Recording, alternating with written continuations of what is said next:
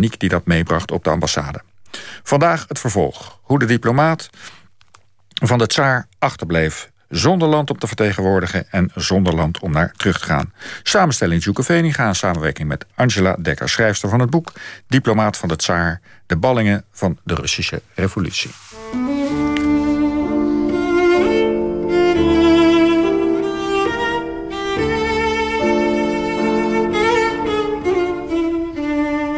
Het is 1919. In Rusland wordt de burgeroorlog tussen de witte en de rode uitgevochten. In Den Haag bewaakt Paul Pustoschkin het gezantschap... dat gefinancierd wordt door de Russische ambassade in Frankrijk. Onzekere tijden, maar gelukkig heeft hij goede contacten in invloedrijke kringen. Dat blijkt uit het omvangrijke archief dat hij achter heeft gelaten... en dat nu bij zijn kleinzoon en naamgenoot is, Paul Pustoschkin, rechter in Den Haag. Mijn grootvader had een, een, min of meer vriendschappelijke band... voor zover je een vriendschappelijke band kunt hebben met het Koninklijk Huis... met prins Hendrik. Hij britste er regelmatig mee. Het zal ongetwijfeld allemaal geholpen hebben. Hij had goede relaties. En omdat het, uh, de Nederlandse regering het communistische regime niet erkende...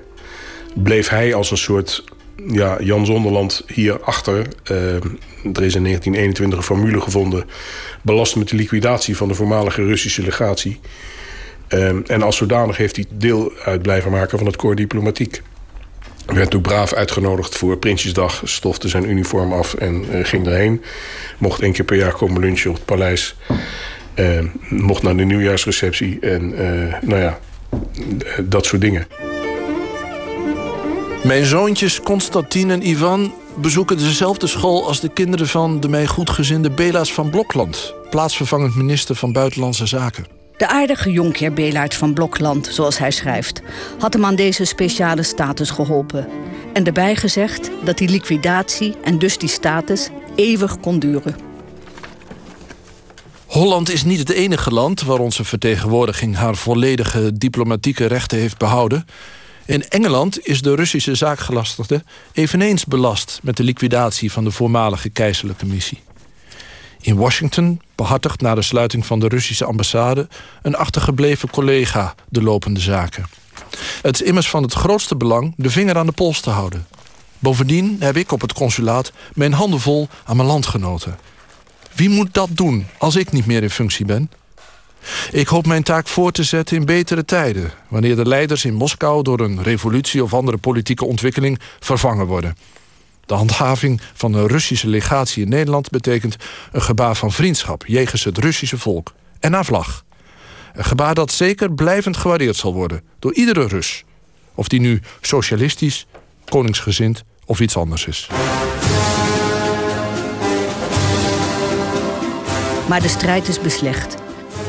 In 1922 is de Sovjet-Unie opgericht door de Communistische Partij en in 1924 gaan Frankrijk en Engeland tot erkenning over.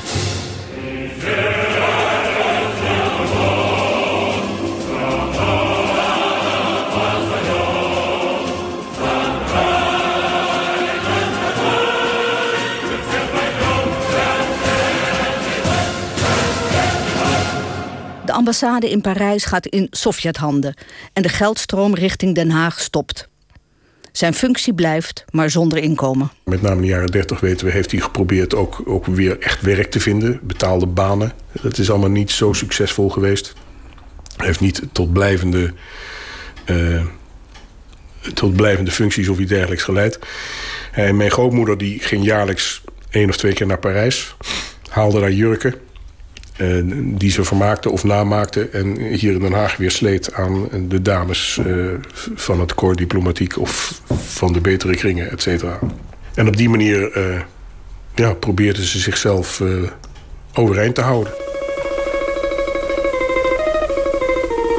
Thuis zijn er steeds meer mensen om voor te zorgen. Zijn moeder, weduwe geworden in 1922, trekt in bij het gezin in Den Haag. De moeder en de zuster van mevrouw Pustoschkin zijn Rusland ontvlucht... en maken ook deel van de huishouding uit. Mamotjka is een reuzenhulp. Ze heeft onder de Bolshevisten zelf moeten koken, zelf boodschappen gedaan... en leert ons nu zuinig te zijn. We worden kleine bourgeois. De parade van het leven is voorbij. En hij zat maar in Den Haag. Eigenlijk heel, ja, beetje, nou, een beetje, ja, in Den Haag. En Den Haag was nou niet het centrum van de wereld, hoewel ze het tegenwoordig graag willen doen voorkomen. Terwijl zijn vrienden en collega's de wijde wereld ingetrokken waren. Zoals Henri de Bach, de eerste secretaris van het gezantschap, die in 1919 naar Amerika was vertrokken. Najaar 1920. Gedurende het jaar dat Henry afwezig was, ben ik veel met zijn verloofde, de prachtige, allerliefste Antoinette van Loon opgetrokken. We wandelden samen door de stad of trokken de duinen in bij Waalsdorp. Ik was er aanvankelijk niet zeker van dat Henry terug zou komen. Het huwelijk van deze twee, mijn zeer geliefde vrienden, was voor mij een blije gebeurtenis. Dit is de mooie, statige Keizersgracht in Amsterdam. En op nummer 672 staat het huis van bijna koninklijke allure.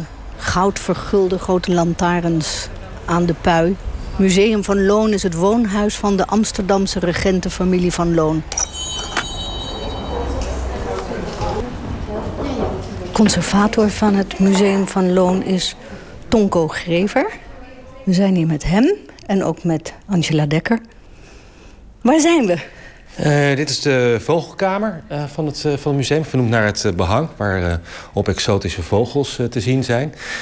En dit was ook de kamer waar Tante Netje logeerde als ze hier ja, logeerde. Het aan het eind van haar leven ontwikkelde ze gewoontes om hier in huis de winters door te brengen. Ook toen het huis al open was voor bezoekers. En omdat Tante Netje een groot deel van de dag uh, in, uh, in bed doorbracht... kon het dus voorkomen dat bezoekers uh, verrast werden... door Tante Netje hier aan te treffen. Wie is Tante Netje? Tante Netje is Antoinette de Bach, geboren van Loon. Een volle nicht van de vader van, van Maurits van Loon... de oprichter van het museum. Uh, ze heeft haar hele leven lang eigenlijk gereisd en gezworven. Nou ja, de familie zit eigenlijk nog steeds vol van verhalen... Als, ze, hoe ze dan hier aankwam met uh, haar grote hutkoffers. En tot het binnen vijf minuten was of er een soort bom ontploft was. Omdat overal hingen jurken aan de schilderijen. Het was natuurlijk een gewoon kleurrijk mens... wat denk ik heel sociaal altijd is, is geweest. En veel dingen heeft meegemaakt, ook dankzij haar man. Angela Dekker, de schrijfster van het boek Diplomaat van de Tsaar, vond in dit huis een schat aan informatie over de Bach. De Bach die, uh, was politiek actief, vooral tijdens de revolutie. Hij is uh, onmiddellijk na de Oktoberrevolutie van 1917 naar Washington gegaan om uh, hulp te halen bij de Amerikanen, wapens, om de witte te steunen tegen de rode. Dat is hem niet gelukt, tot zijn spijt. En uh, hij begreep het ook helemaal niet, want de Amerikanen hadden toch belang bij een uh, economisch al een Russisch afzetgebied. Siberië ligt toch niet heel ver van Alaska. Maar het, nou, het is hem niet gelukt. Toen is hij in 1922 naar Berlijn gegaan. Want daar zat het politieke centrum van de Wit-Russen. Ook daar is het niet gelukt. Um, hij heeft enorm rondgereisd en gelobbyd in uh, Noorwegen, Zweden, Denemarken, uh, Frankrijk, Italië, uh, Servië, Kroatië om te lobbyen, maar het is niet gelukt. En um, de rest van zijn leven heeft hij reizend met Antoinette van Loon doorgebracht. En oom Maurits van Loon was de grote sponsor. Zo reisde het echtpaar van kennis naar familielid, van kasteeltje naar landhuis, waar ze met hun hele hebben en houden in hutkoffers aankwamen om weken te blijven logeren. Na de dood van Antoinette van Loon kwamen al die hutkoffers hier op zolder terecht. En die hebben er altijd gewoon jaren uh, gestaan.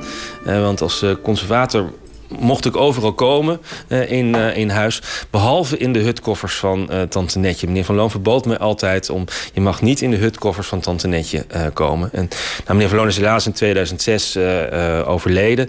En toen hebben we het contact gezocht met, met de familie Van Loon. en, en hen gevraagd van... Goh, we moeten toch die die hutkoffers openen. Want straks is de inhoud is, is vergaan. En toen kwam ook het, het geheim van Tante Netje uh, kwam daaruit uh, tevoorschijn. Het geheim van Tante Netje was eigenlijk uh, denk ik een soort publiek geheim. Ik denk dat iedereen het al wist. Namelijk dat zij haar hele leven lang samen met haar man... gesprekken heeft gevoerd met een, een, een, een geest. En het was zo dat ehm, haar man stelde de vragen... en de geest antwoordde via Tante Netje. En dat was, was eigenlijk een soort, een soort huisdier was die geest eigenlijk geworden soort, soort kind ook. Ze hadden zelf geen kinderen. Het was ook een soort, soort zoon eigenlijk waar ze mee. En het, het grote voordeel was dat eh, het was, die, die geest kon met hen mee eh, reizen. Dus van Buenos Aires naar New York, naar Rome, naar Parijs. Die geest die ging braaf uh, uh, mee. En een ander groot voordeel, je had in die tijd nog geen e-mail, nog geen internet. Um, we spreken over de jaren 20, 30, 40, 50. dat de, de geest kon naar Rusland reizen. En zij zelf niet al die gesprekken met deze geest... die hebben ze neergeschreven in een groot uh, aantal boeken. Het was een soort uh, een dagboek. Ze vertelde aan uh, Nicolai, zo noemden ze hem... hoe hun een dag gegaan was bijvoorbeeld, of waar ze naartoe gingen. En dan maar altijd eindigde dat met hoe, hoe ziet de dag van morgen eruit... hoe ziet de dag van Rusland er morgen uit. En, en dan zei die geest Oh, de boeren hebben het zwaar. Ze, ze gaan echt gebukt onder het juk van de Sovjets. Het, het, is heel slecht. Maar altijd weer op een dag komt het goed. Dus ze bleef altijd uh, hoop geven eigenlijk aan haar man. Ja, hoop en steun. En als ze het niet meer wist, dan, uh, dan, zei, ze, dan, dan zei ze bij monden van die geest... ik ben nu te moe. Of uh, ik heb nu geen tijd, ik moet weg. Mooi vind ik ook altijd die foto's. Dan komen ze aan in, komt Tante Netje aan in, in, uh, in New York. En dan haalt ze echt de voorpagina's als Mrs. de Bach. En dan zie je haar met uh, tiara op het hoofd. echt, dus in die tijd was het echt... ze hebben er flink, flink hun best aan gedaan. En het stelde ook echt wat voor. Het was wel een, een, een, een, een prominent figuur, die de Bach. En, en ook denk dat hij gewoon, ja, gewoon flink PR bedreef... om, het, om, om te pleiten voor de, voor de Hij wil ook zichzelf zo graag nuttig maken. Want hij, hij voelde zich, net als vele um, emigrees, uh, Russische ballingen, schuldig. Ten aanzien van zijn vaderland, ten aanzien van de tsaar. Want hij had uh, zijn volk en vaderland in de steek gelaten. Dat is ook een reden waarom hij en ook Pustoshkin nooit de Nederlandse uh, nationaliteit hebben aangenomen omdat ze dachten, nou, dat is een, eh, dat is een capitulatie, dat is uh, verraad naar mijn land en naar mijn tsaar. De Bach zijn reispapieren zien er indrukwekkend uit. Grote visa-vellen met stempels en zegels. Hij reisde met een zogenaamd Nansen-paspoort. Een door de Volkenbond uitgegeven pas voor Russen die het land verlaten hadden na de revolutie en waarvan het nieuwe regime het staatsburgerschap had ontnomen. Ruim een miljoen Russen werden op die manier van de ene op de andere dag stateloos. Ook de Bach, ook Pustoshkin. Stateloos was hij. Hij had geen, hij had geen nationaliteit. En hij had een vreemdelingenpaspoort. En daar moest elk, elk jaar een stempeltje in van de vreemdelingenpolitie. En uh, ja, een vluchteling. Een echte. En hij heeft ook nooit ik, ik denk dat hij, als hij zich had willen naturaliseren, dat dat wel had gekund. Hij heeft er niet voor gekozen, mijn grootmoeder ook niet. Um, uh, ja, dat is een soort loyaliteit geweest, denk ik. Mijn vader en mijn oom uiteraard wel. Die zijn... Uh, die zijn mijn, mijn oom in de jaren 30. Mijn vader pas na de oorlog overigens ook hoor. vlak voor... Ik, ik ben bijna staatloos geboren. wist mijn moeder altijd dramatisch te vertellen. Maar het is vlak, vlak voor de bevalling is het goed gekomen.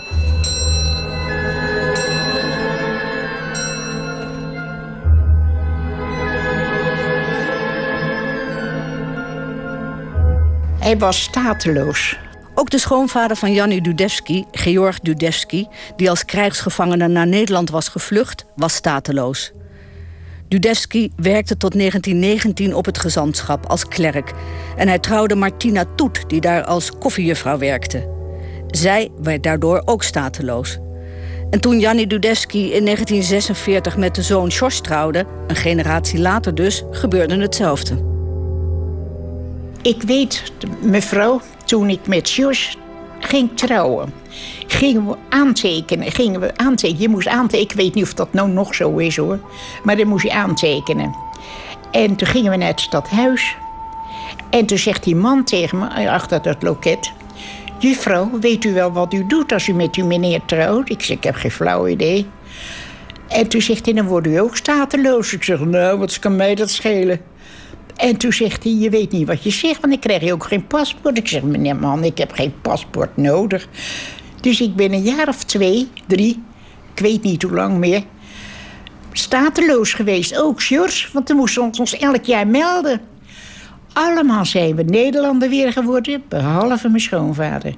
Die bleef stateloos. Hij had wel Nederlander kunnen worden... maar dat kostte 200 gulden toen de tijd... En dat had hij er niet voor over. En dan zei hij altijd heel trots: Ik ben een Rus en ik blijf een Rus. Eigenlijk had Dudevsky terug willen gaan naar Rusland toen, in 1919. Mijn schoonvader had gevraagd of Martina ook meeging naar Rusland. Als ze gezegd: Nee, ik wil wel met je trouwen, maar ik ga niet naar Rusland. Hij praatte met mij veel vaak over Rusland. En dan zei mijn schoonmoeder: Hou jij nou eens op over dat Rusland? Je hebt het alleen maar over Rusland. Rusland en Rusland. Dat zijn dingen, daar lig ik s'nachts over te piekeren. Denk, ik zou zo graag alweer papa willen vragen... hoe dat zat met dat heimwee. Heeft hij nou heimwee gehad? Tuurlijk heeft hij heimwee gehad. Ik, als ik veertien dagen met vakantie ga... dan heb ik al heimwee, dan wil ik naar huis. Ik zeg, het is toch logisch dat die man heimwee heeft gehad? Hij was 18 jaar toen hij van huis ging. Hij is nooit meer thuis geweest.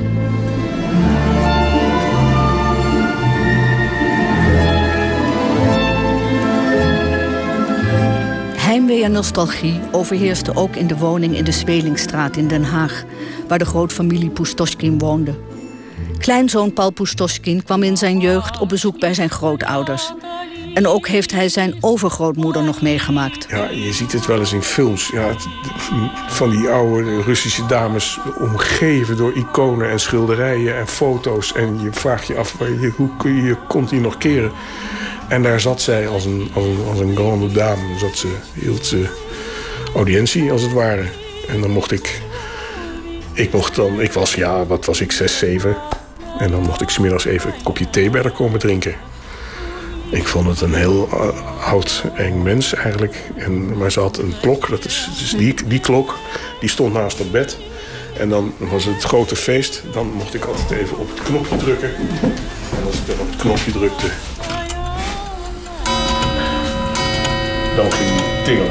Nou, dat was het feest. Ja, daar zaten altijd, daar zaten altijd mensen. En dat waren altijd Russische mensen. En uh, die lazen elkaar naar voor uit zo'n Russisch blaadje wat uit Parijs kwam.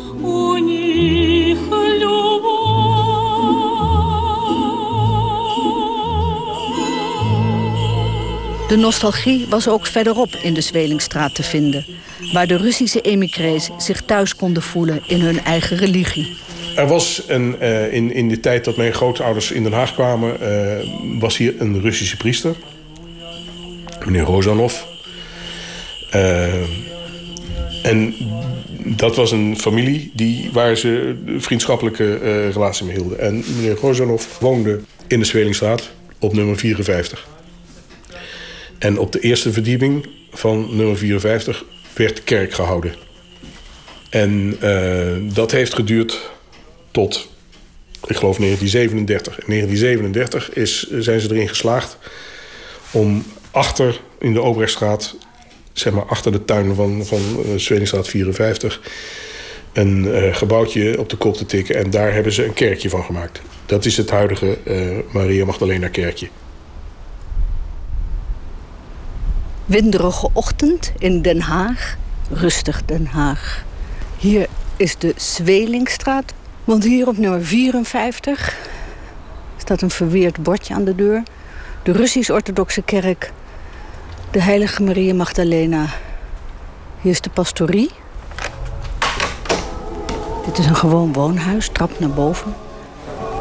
En een kamer vol Russische attributen gewoon een huiskamer. Kom ik hier nu op een tuintje hierachter. In een enorme wierooklucht. En komen we in de kapel.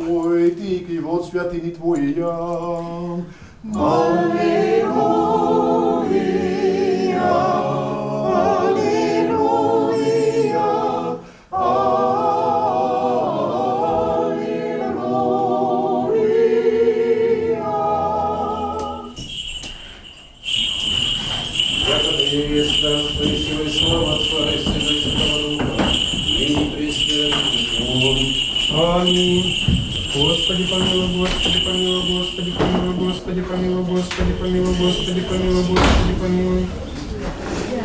De dienst is afgelopen. Dit hele kleine kapelletje staat echt bomvol. Er wordt ontzettend veel gekust. Dus heel veel iconen worden er gekust. Kruisen worden er gekust. Uh, de grond wordt gekust. Dus tijdens de dienst wil men zich ook nog wel eens helemaal op de grond werpen en de grond kussen. En nu net ging iedereen langs vader Nikon, die daar met een gouden kruis staat. En dat werd ook door iedereen gekust. Vader Nikon is de priester, hè? Ja, ja. En u bent? Ik ben een diaken. De diaken? Ja, Nicolaas. En heel veel van de inrichting van deze kapel komt direct uit de erfenis van Anna Paulona.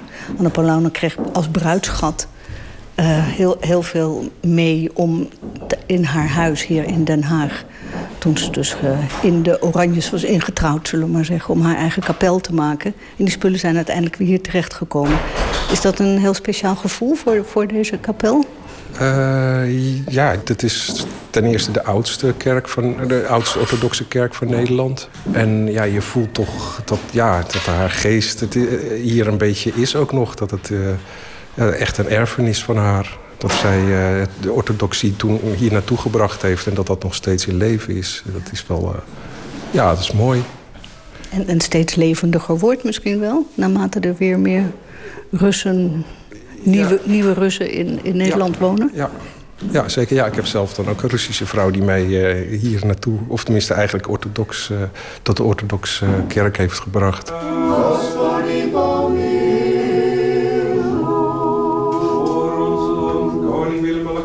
En koningin Maxima, het koninklijk huis en onze regering, en voor allen die ons beschermen, laat ons de Heer bidden. In iedere dienst wordt er drie keer gebeden voor het koninklijk huis. Dat is altijd zo bij de Russische orthodoxie. Maar hier klinkt dat wel vertrouwd, zo tussen de spullen van Anna Paulona, ooit koningin van Nederland. In haar testament had ze beschikt dat haar religieuze rijkdommen in Nederland dicht bij haar tombe in een kapel bewaard moesten blijven. Het was een verplichting waar Paul Pustoschkin zich namens het gezantschap verantwoordelijk voor voelde. Hij had zich ingezet voor de realisering van de kapel en hij bleef de financiën en de boekhouding regelen. Hij deed dat soms op onorthodoxe wijze, zoals blijkt uit een onverwachte bron. Hij deelde mee dat de 1200 gulden in dank door de Russische kerk waren aanvaard. Friedrich Weinreb, de controversiële man die tijdens de Tweede Wereldoorlog Joden beweerde te helpen met emigratie, maar dat niet waarmaakte, die Weinreb kwam bij Paul Pustoschkin terecht. In het begin van de oorlog was Rusland immers een bevriende natie van de Duitsers. Dus wie kon aantonen over de Russische nationaliteit te beschikken, kon het land uit. En zo zat daar nog heel braaf uit oude tijden de heer Pustoschkin als consul-generaal en behandelde de Russische zaken alsof er niets was gebeurd. Pustoschkin vertegenwoordigde niet het bolsjewistische, maar het oude keizerlijke bewind. Hij gaf verklaringen af dat mensen in Rusland waren geboren. Daarmee konden ze Russen zijn, al hadden ze ook intussen een andere nationaliteit gekregen of zelfs nooit de Russische nationaliteit gehad. En de Duitsers erkenden deze Pustoschkin-verklaringen. Hij haalde uit zijn aktentas een voorbeeld. Prachtig papier met de echte Russische adelaar, geweldig gestempeld en gezegeld. Ondanks de eventuele risico's van zo'n Russisch staatsburgerschap leek het mij toch te wagen. Dus ik zei hem dat ik eventueel mensen naar hem toe zou sturen. En ik gaf hem, nonchalant, bijna onopgemerkt, de envelop. Een grote gele met twaalf briefjes van honderd. Ook hij deed alsof de envelop niet bestond en ineens was die in zijn aktentas verdwenen.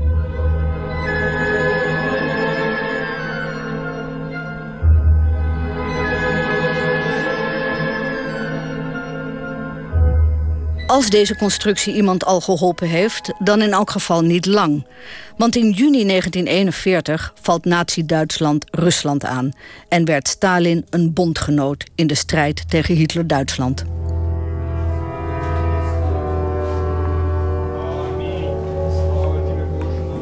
De priester van de kapel in Den Haag, priester Dionysios, is zoals veel Russen onder de indruk dat Stalin de oorlog wint.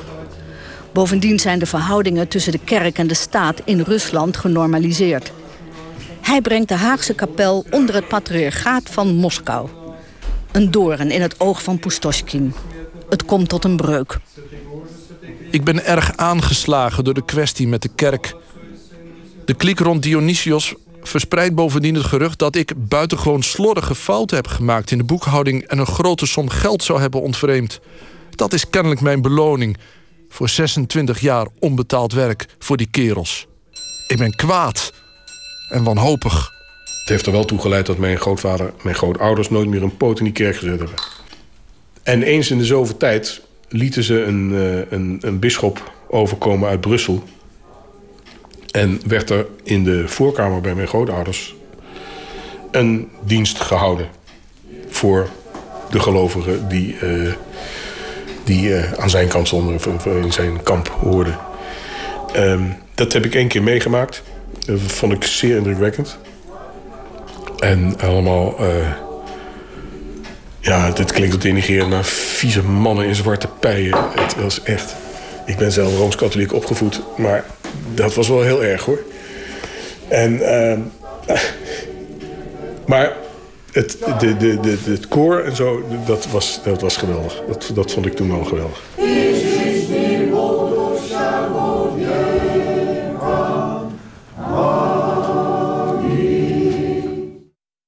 De oorlog heeft een andere belangrijke verandering in het leven van Pustoschkin gebracht.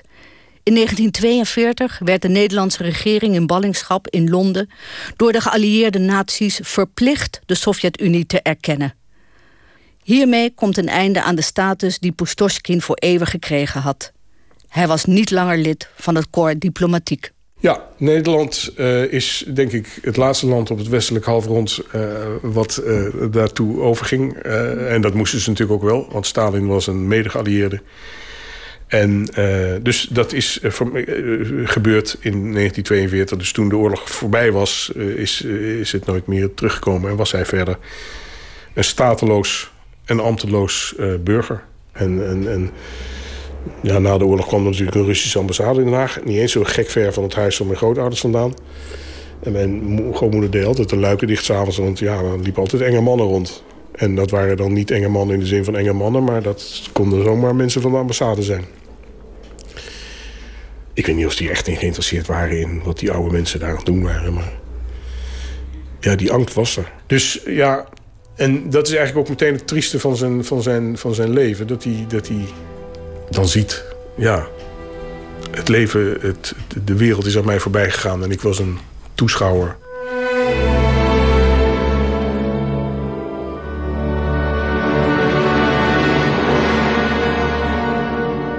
Den Haag, Zwelingstraat, juni 1944. Onlangs ben ik 58 geworden. Zo zonder dat ik er erg in had, is het gevoel ontstaan dat het leven al geleefd is. Vele van mijn naasten boren al niet meer tot de levende. De gastrol van mijn ik nadert zijn voltooiing. Mijn heldere, onvergetelijke indrukken over de afgelopen 55 jaar onderscheiden zich niet door grootse daden of ervaringen van heroïsche aard. De gebeurtenissen die het leven van de mensheid diepgaand hebben veranderd, zijn op een of andere manier ergens ver weg aan mij voorbij gegaan. Ik ben nauwelijks omgegaan met grote geesten, geleerden, schrijvers, muzici, legeraanvoerders. Ik ben weinig actief geweest. Was meer geneigd tot het beschouwelijke. Tot het genieten van schoonheid in al zijn gedaante. Maar ook daarover zou ik nauwelijks een gevleugelde uitspraak kunnen doen.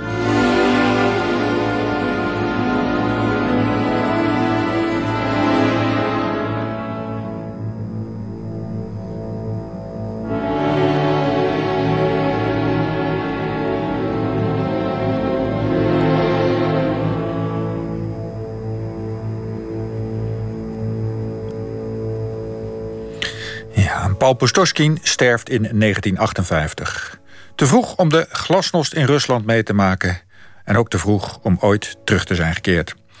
Djoeke Veninga stelde twee leuk samen in samenwerking met Angela Dekker... schrijfster van het boek Diplomaat van de Tsaar... de ballingen van de Russische revolutie, dat net is verschenen. Bedankt aan Berry Kamer, Matthijs Deen en Jaap Fransman. De tweeluik is ook op cd verkrijgbaar. Maak daarvoor 7,50 euro over naar Giro 444600 van de VPRO in Hilversum. Onder vermelding van Diplomaat van de Tsaar. Dus 7,50 naar 444600 van de VPRO.